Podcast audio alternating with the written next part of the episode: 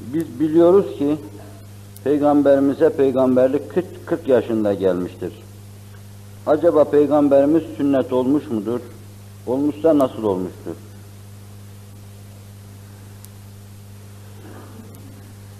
Evet. Bir sorusu bu. İnsan okulda okursa ve namaz kılamazsa günaha girmiş olur mu diyor.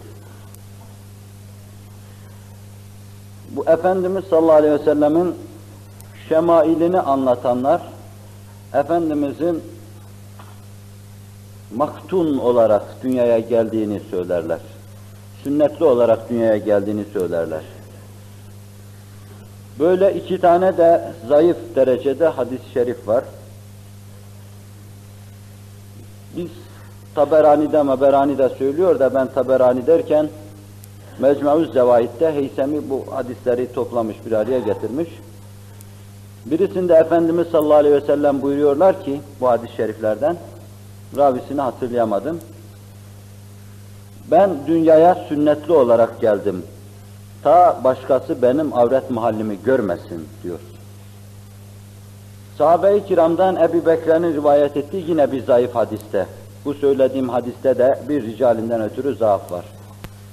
Orada da buyuruyor ki Resul-i Ekrem aleyhissalatu vesselam'ı Cebrail ameliyat ettiği zaman aynı zamanda sünnetini de yapmıştı. Efendimizin ameliyatı ile alakalı iki üç vaka, dört vaka söylerler.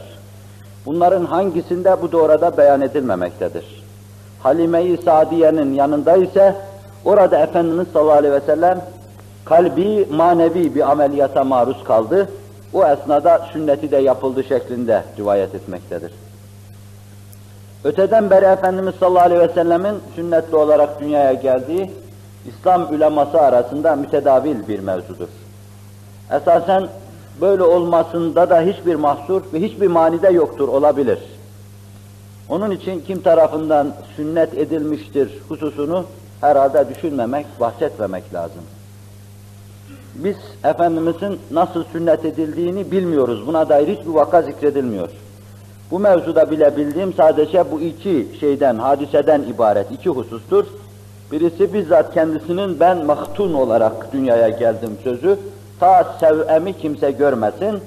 İkincisi de bir sahabinin Efendimiz Cibril tarafından ameliyatı esnasında bu işte yapıldığı şeklinde ifade etmektedir.